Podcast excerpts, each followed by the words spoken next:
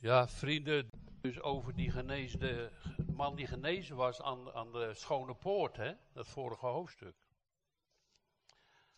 En daar waren ze heel ontevreden over. Ze waren heel woedend daarover. Hè? Ze wilden hun eigen systeem vasthouden. Verbaas je eigenlijk. Nou was er uh, van de week wel een bericht dat er bijvoorbeeld uh, een supermarkt dicht ging. Die ging drie uur dicht, want er werd zoveel geroofd en gestolen. Dat hoorde ik van iemand vertellen. En ook dat er uh, mensen op het strand aangevallen werden. En toen werd er daardoor de media werd gevraagd: wat vinden jullie de mensen zo rondom die plek? Wat vinden jullie daar nu van? Ja, dat zijn dan mensen vanuit Marokko en dat en dat. Nou goed. En, en de een zegt dit en de ander zegt dat. En de, toen dacht ik daar ook eens even over na. Maar toen zeg ik tegen Anneke: Het wordt hun gewoon geleerd dat ze dat doen mogen. Die vrouwen met die blonde haren, die kan je gewoon pakken. Want dat vindt Allah gewoon goed in die extreme moslim situatie. Dat vinden ze gewoon goed. En er wordt nog bijgezegd, let u op, ik, ik, ik geloof dat echt. De hele wereld wordt van ons. Die is al van ons. Als je bij Allah hoort en bij Mohammed hoort, dan is alles van ons, dus je kan het gewoon pakken. Nou, je hebt er wel bij die doen dat niet. En er zitten natuurlijk heel veel lagen in. Maar bij die extreme situaties, die zeggen nou dat pakken we gewoon.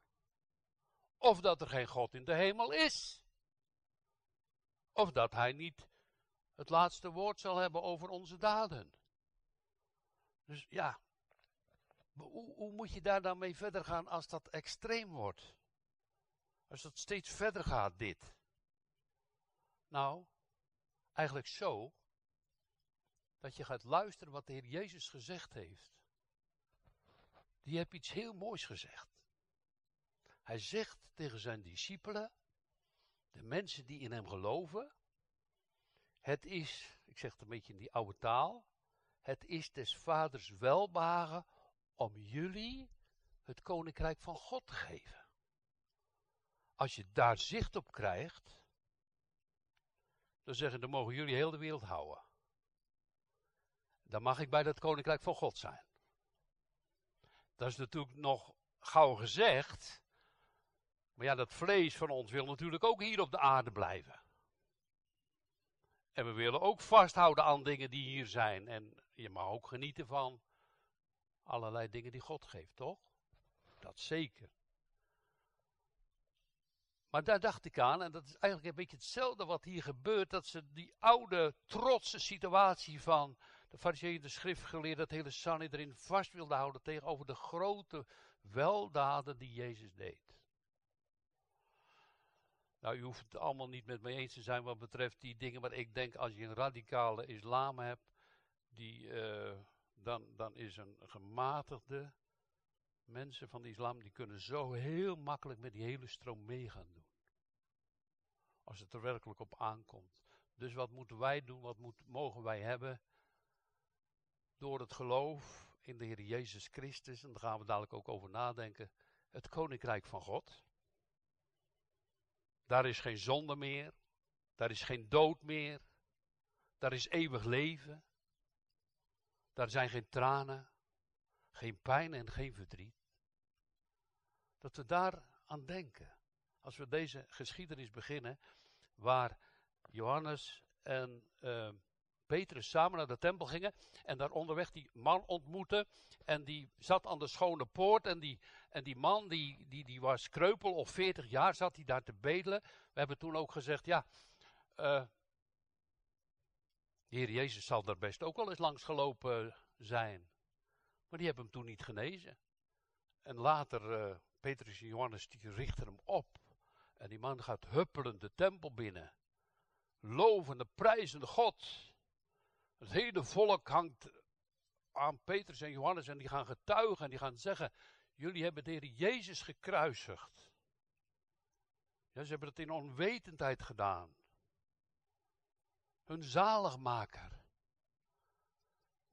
En, en, en dan zegt Petrus, eigenlijk op, op andere plekken ook, dat, dat God ze gestuurd heeft dat ze gezegend zullen worden. Zij die Jezus hebben vermoord. Komen die mensen met een goede boodschap om te geloven dat Jezus opgestaan is uit de doden en dat hij niet alleen opgestaan is uit de doden voor zichzelf, maar ook voor de mensen. Om hen te vernieuwen en hen terug te brengen bij de Vader in de hemel. Nou, en dat is u dan voorgelezen. Want die vorige verse, daar staat in dat terwijl Johannes en uh, Petrus in de tempel aan het prediken waren, want uh, ze zeggen God die zijn kind Jezus heeft doen opstaan, heeft hem eerst naar u gezonden, ziet u, door het middel van de prediking, om u hierin te zegenen dat hij in ieder van u zou afbrengen van zijn slechte daden. En terwijl zij tot het volk spraken, kwamen de priesters en bevelhebbers van de tempelwacht en de Sadducees op hen af. En ze zijn zeer geërgerd uh, dat ze het volk onderwezen in de opstanding van de Heer Jezus. En ze hebben ze opgepakt, Petrus en Johannes. Ik denk ook die verlamde man die plotseling kon lopen. En alle drie in de gevangenis gezet. En toen is onze broeder verder gaan lezen bij vers 5. De volgende dag. Maar er staat nog iets heel moois. Voordat onze broeder is gaan lezen. En vele van hen die het woord gehoord hadden, geloofden toen, moet u voorstellen, geloofden in Jezus die gekruisigd was, nog maar even van tevoren. En die was opgestaan en er was gezien, de Heilige Geest was uitgestort. En door 500 broeders gezien. Velen geloofden en het aantal van die mannen werd ongeveer 5000. Dus in de eerste prediking van het vorige hoofdstuk waren er al 3000. Sommigen zeggen, plotseling zijn er 8000 gelovigen in de Heer Jezus Christus, die opgestaan is uit de doden. En daar zijn ze heel ontevreden over. Wij mogen hier prediken van alles, humanisme en weet ik wat we allemaal mogen vertellen. Maar de duivel is vreselijk, gaat vreselijk tekeer als hier mensen in hun hart aangeraakt worden en de Heer Jezus gaan volgen. En tot geloof komen. Dan gaat de duivel tekeer en die wil het niet, want hij raakt dus zijn prooi kwijt. En dat is hier gebeurd. Woedend zijn ze erover. En ik heb dat een beetje vergeleken met wat hen geleerd is bij die islam. En dat ze dat allemaal maar mogen doen en niet terugkomen tot geloof en bekering. En dat, dat bidden we wel. En dat hopen we ook. En het gebeurt ook. Dat, daar kan, kunnen sommigen van ons ook van getuigen. En dat hebben we ook mogen zien van uh, dat on, onder laatst een Turkse vrouw onder ons, hè, een, vriendin gedoopt is. Ja, dus het gebeurt wel. God is machtig. En dan, uh, ja, als u dan eens even terugdenkt aan de situatie, u uit het buitenland bijvoorbeeld, u komt uit Zuid-Afrika, wat daar ook allemaal niet gebeurt en, en gemangeld en gedoe. Of dat er geen God in de hemel is, mensen. Of dat hij geen wraak zal doen over al die gekke dingen die er gebeuren. Dat mensen verkracht worden, dat jonge vrouwen dus uh, verkracht worden en, en een trauma oplopen, gebeurt ook onder ons. Zou je dan geen melee hebben en verdriet hebben? Moet je voorstellen dat, uh, dat, er, dat er vrouwen zijn die. Ik, ik heb ook mannen meegemaakt die verkracht zijn door de moeder. Dus onvoorstelbaar wat er in de wereld gebeurt. Laten we alsjeblieft ons bekeren van al die rommel en niet meedoen met die pornografische rotzooi die er in de wereld te koop is, zomaar vanzelfsprekend. Gaat het zomaar via een klikje op een telefoon kan je de schuddigste dingen op je beeldscherm krijgen. En daarom verlos ons van de boze, o Heer. Verlos ons daarvan, opdat uw naam groot gemaakt wordt door ons, opdat wij u loven en prijzen. En dan als je, moet je voorstellen, ik, ik stel me dat een beetje voor. Als je als jong meisje verkracht bent, nou, dan, dan, kan je eigenlijk niet meer met een man omgaan. Dat, dat, is toch niet normaal? Dan, dan, ook, wacht even, die man. Dan moet je gewoon erg in hebben, ook als pastor en ouderling. moet je gewoon erg in hebben. Soms heb je er niet eens erg in. Omdat je een hele andere kijk op de mens had. Wat, wat, wat hebben we Gods genade nodig, hè?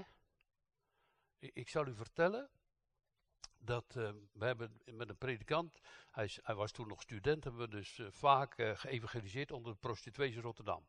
Nou, dat was heel heftig. Maar ik zei tegen mijn vriend Ari, ik zeg, alsjeblieft, dat je ogen niet op, op het vlees is.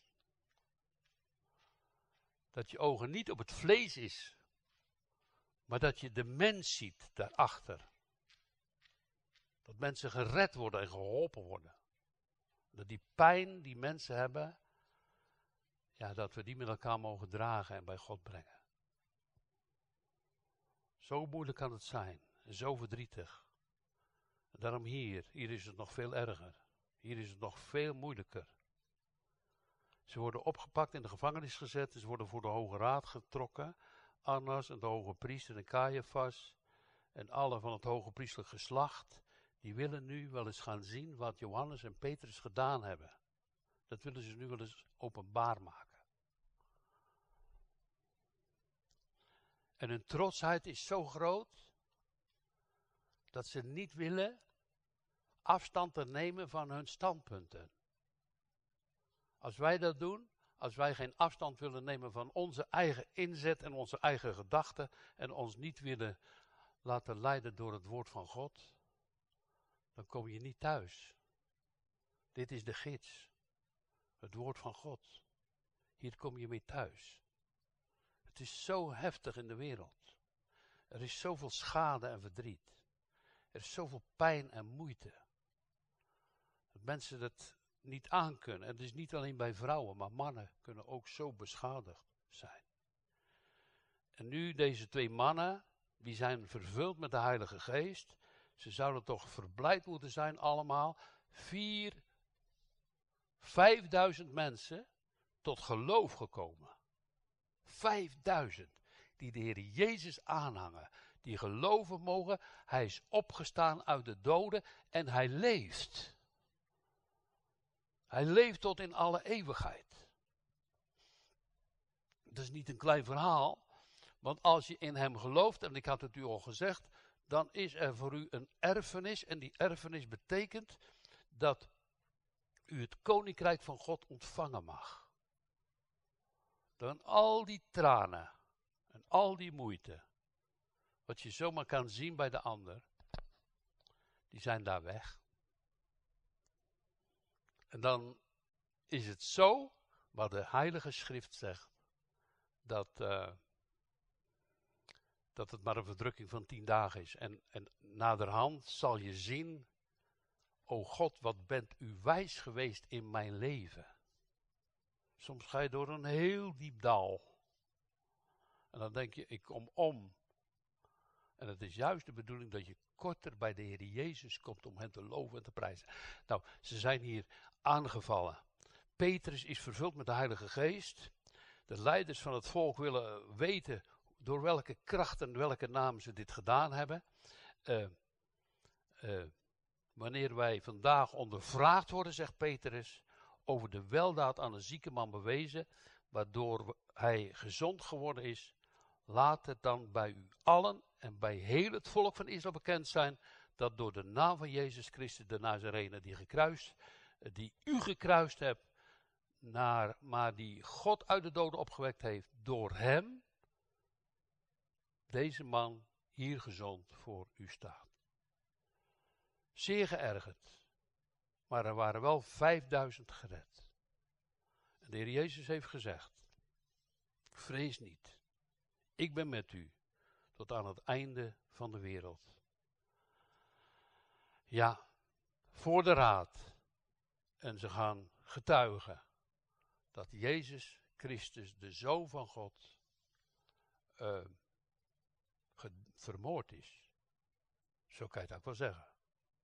Met grote haat. Ze hadden van tevoren al gezegd. Het Sanhedrin en het Joodse volk. Ze hebben gezegd toen uh, Lazarus uit de doden opstond. En het hele volk achter de Heer Jezus aanging. We moeten oppassen, want dadelijk raken we heel dat volk kwijt. U ziet welke strijd dat er is tussen mensen, tussen religieën, tussen vasthouden en waar wij ons leven overgeven in de, aan de Heer Jezus, komen we in de vrijheid.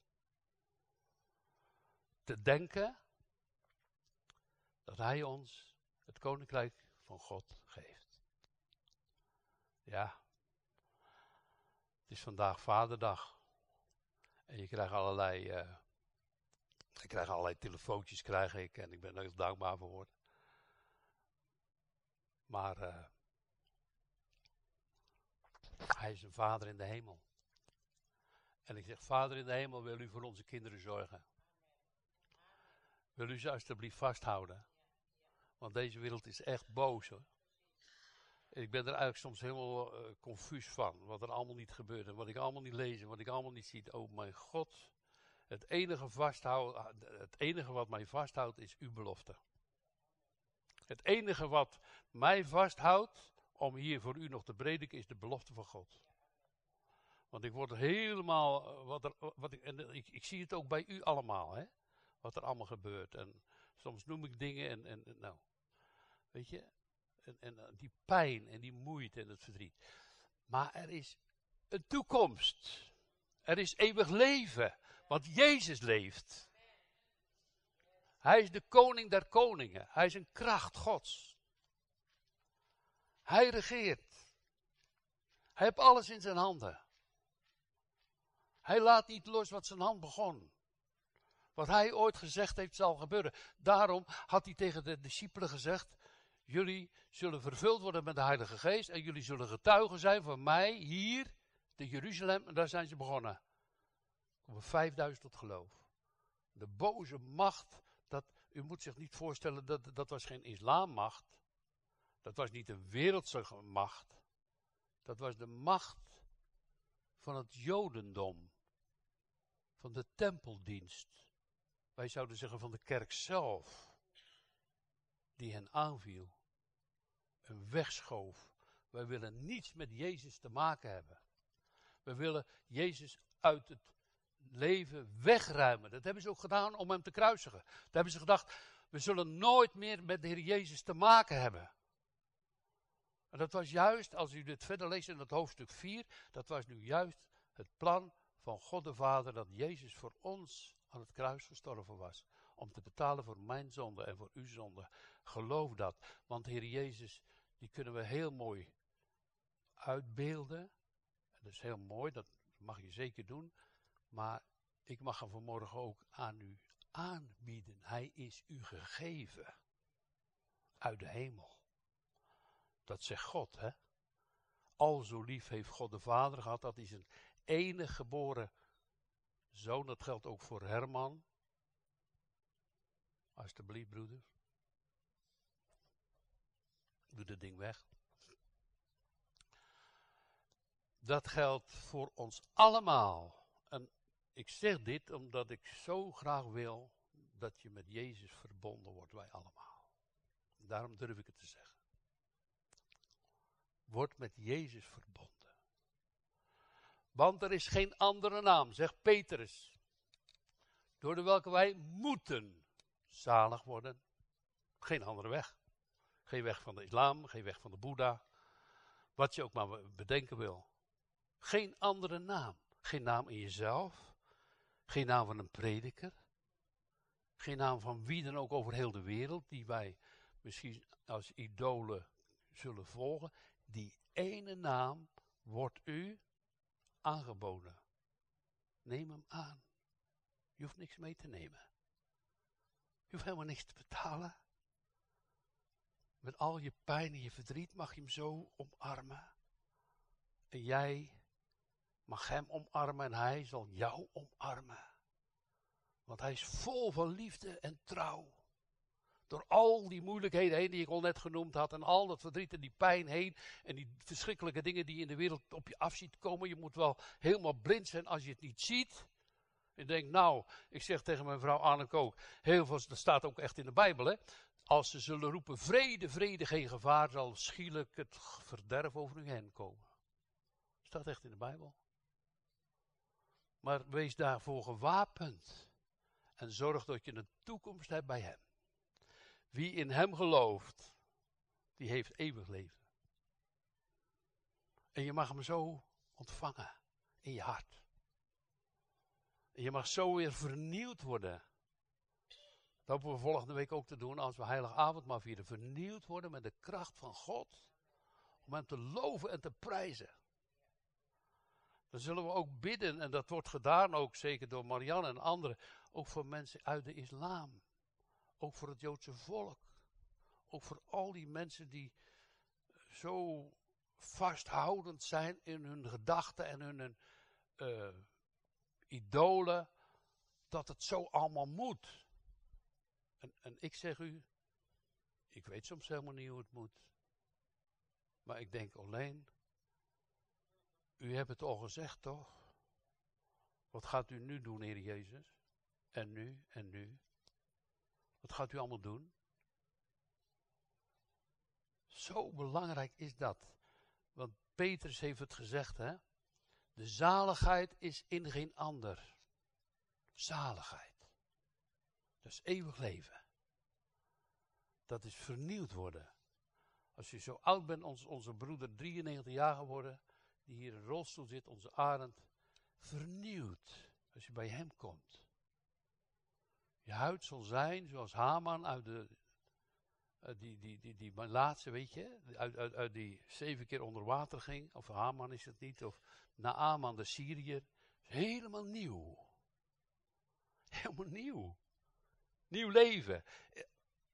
Ik zou eigenlijk, ik, daar bid ik eigenlijk om dat ik het nog mooier zou kunnen zeggen, want ik kan het niet eens vertellen hoe mooi. Want de schrift zegt, het is in de mensenhart niet opgeklommen. Wat God bereid heeft voor degene die hem vrezen. Dat is zo geweldig. En iemand zegt, weg wereld, neem het maar.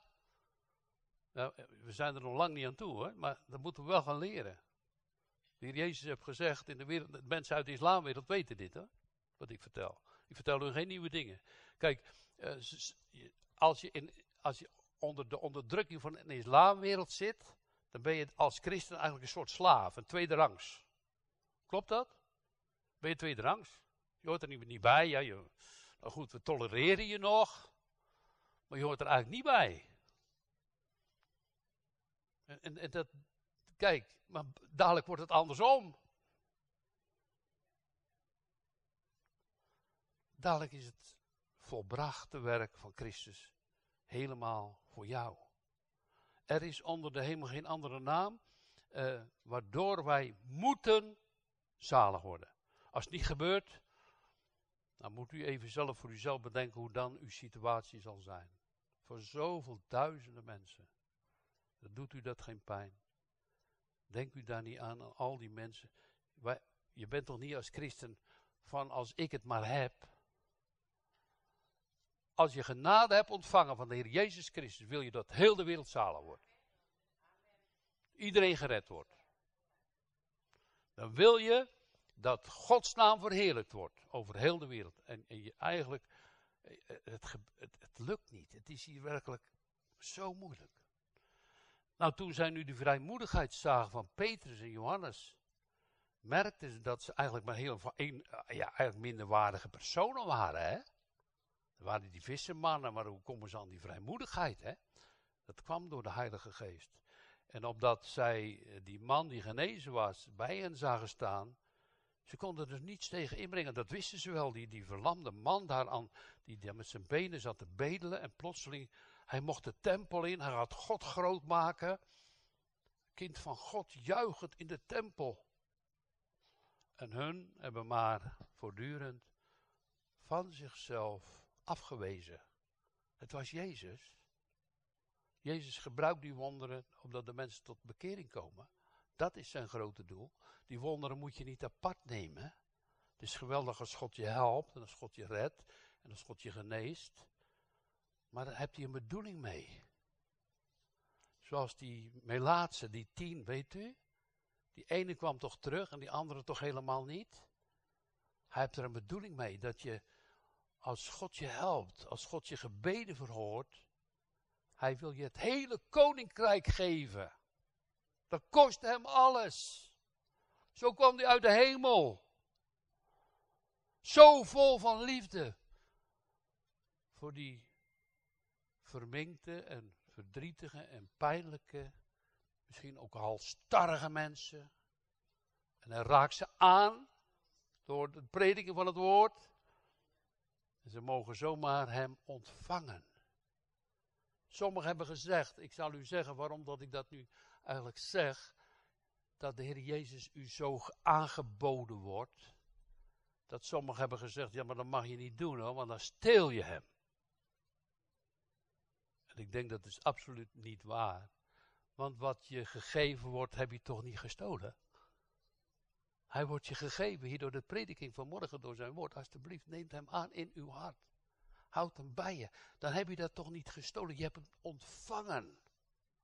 Al zo lief heeft God de wereld gehad dat hij zijn enige geboren zoon gegeven heeft.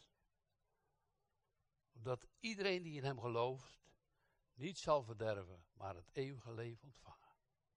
En er staat op vele plekken meer. Hij wordt u geschonken. Waar, waarom zou dat daar nu zo staan? En waarom zijn mensen daar nu zo tegen? Die halstarrigheid kan je ook terugvinden. Hè? Dit is dan een beetje subtieler. Van, oh, dan heb je hem zeker gestolen of zo. Het kan best wel dat je dus uh, roemt over de Heer Jezus en dat je eigenlijk je hart er niet bij is. Dat kan wel. Dan gaan we ook niet zeggen dat dat nooit kan. Maar hij wordt u echt aangeboden en hij wordt u echt geschonken. Dat is niet de vanzelfsprekendheid, maar dat is het grootste wonder wat er gebeuren kan in jouw leven. Dat je zegt, Jezus is mijn zaligmaker. Petrus en Johannes hebben het gezegd. Door hem moet ik zalig worden. Anders is er geen weg terug tot God de Vader. Dan is er eeuwig verderf in je leven. Dan kom je om. En dat is niet nodig. Hij is er. Zijn bloed is genoeg voor alle zonden van de wereld. Genoeg. Hij heeft het toch gezegd. Het is volbracht. Oh, zullen we de optelsom eens maken? Wat moet ik dan doen? Wat moet ik meenemen? Moet ik soms betalen? Moet ik soms mezelf eerst veranderen? Is dat zo? Nee. Wij hebben al heel in het begin van onze prediking, 25 jaar geleden gezegd, sommigen weten dit nog, kom maar zoals je bent, maar blijf dan niet die je was. Want als je de Heer Jezus kent, dan word je nieuw. Dan ga je ogen open voor de ander. Je gaat hem aanbidden. En dat mag je ook gewoon doen. En daarom, ja, we zingen het vaak toch? Maar ik vind het gewoon geweldig om hiermee te beginnen. Uh, wat is dat lied dat wij zingen? Uh, lied 296. Uh, nou, voor de Allerhoogste Heer. Knielen wij in ootmoed neer voor uw troon. Hij is zo hoog. Hij kent u. Hij heeft u begeleid van uh, Turkije, vanuit China en dadelijk naar Burundi. En ons allemaal eigenlijk. Waar we ook maar vandaan komen. Uw hoog verheven troon. Heel ons wezen, heel ons verstand. Geven wij in uw hand. En, en dat, dat, vind ik zo geweldig, hè? om zo de diensten mee te beginnen. Dus dat, lied, dat, dat, dat zingen we natuurlijk vaker, maar het is gewoon geweldig om hem groot te maken. Door al die pijn en al die moeite en verdrukkingen heen, zullen wij triomferen in zijn naam. We zullen hem groot maken en loven en danken. En dan, en dan, dan kan je het gaan zeggen, als de Heilige Geest met je is. Dat zei iemand. Weg wereld, weg schatten. Gij kunt niets bevatten, hoe rijk of ik ben. Ik heb alles verloren. Maar ik heb Jezus verkoren, wiens eigendom ik ben. Oude woorden, maar dat is eigenlijk een beetje het verhaal van die uh, man die in de aarde uh, heeft gegraven en hij vond er een grote schat. En hij verkocht alles wat hij had. En hij kocht die akker met die schat. En dat is Jezus. Alles geparkeerd als tweede rangs. Je mag hier heel veel hebben. Maar laat het, en ik moet echt ook tegen mezelf zeggen, laat het secundair zijn, tweede. Niet eerste. Mijn werk het eerste, mijn gezondheid het eerste, mijn dit het eerste, dat het eerste. Jezus het eerste. Geef dat alstublieft door de Heilige Geest. U voorop in onze gemeente, in ons hart. En je hebt eeuwig leven. Wat zegt de Heer Jezus? Zoek eerst het koninkrijk van God en zijn gerechtigheid en alles wordt u toegeworpen. We hebben het zo omgedraaid. We moeten eerst alles hebben en dan zullen we nog kijken of we Jezus kunnen dienen. Alles wordt u toegeworpen. Uit zijn kracht en uit zijn liefde leven wij. Nou, daar staat Petrus en Johannes, die dat grote heil van Jezus Christus aan iedereen willen vertellen. En die worden de klem op hun mond gezet. Ze worden aangevallen. Nou, het is dat het hele volk van die 5000 geloofde en het wonder zag, want anders hadden ze vast blijven zitten in de gevangenis en misschien ook wel gedood, zoals Stefanus even later gestenigd is geworden. Maar ze konden dat niet doen. Ze dorsten dat niet, de raad. Ze zijn straf in hun gedachten gebleven om vol te houden. Jezus is het niet. En Petrus zegt, door hem moet je nu zalig worden. Nou, dan gaan ze verder. Ze gaan daarover beraden. Uh, en ze zeiden, wat zullen we met deze mensen doen? Want dat er een alom bekend teken door hen is verricht, is duidelijk voor alle die in Jeruzalem wonen. En wij kunnen het niet ontkennen. Maar laten wij op dat het niet nog verder onder het volk bekend raakt, hun de grootste dreiging gebieden, dat ze tot geen enkel mens meer in de naam van de Heer Jezus mogen spreken. Nou ja, dan mag ik toch God danken dat wij in vrijheid nog over hem naam mogen denken, toch? We mogen hier in vrijheid zijn naam aanroepen. En dat kan in heel veel landen niet meer. En daar hunkeren ze naar om daar iets van die bevrijding en die verlossing te horen. Want ze staan onder een juk, onder een verdrukking. Ze mogen niks van de Heer Jezus horen. En wij mogen in vrijheid prediken en zijn naam aanroepen en aanbieden. Hij wordt u aangeboden, alstublieft, gratis. Gratuit, voor niets, hoeft niks te doen, of wou u wat meenemen? Weet u, als iemand tot geloof komt, als een heiden tot geloof komt, en dat zegt onze broeder Jaap, zei dat nog, dat is nog een groot verschil. Als een kerkmens tot geloof komt. Die zit al jaren in de kerk en hij gelooft niet. Dat is een heidens werk dat hij tot geloof komt, want hij denkt het moet zus, het moet zo, het moet zo. En dat heb ik ook wel gedacht. Want toen zeg ik, ik weet het helemaal niet meer hoe het moet, maar u weet het toch. U weet de weg.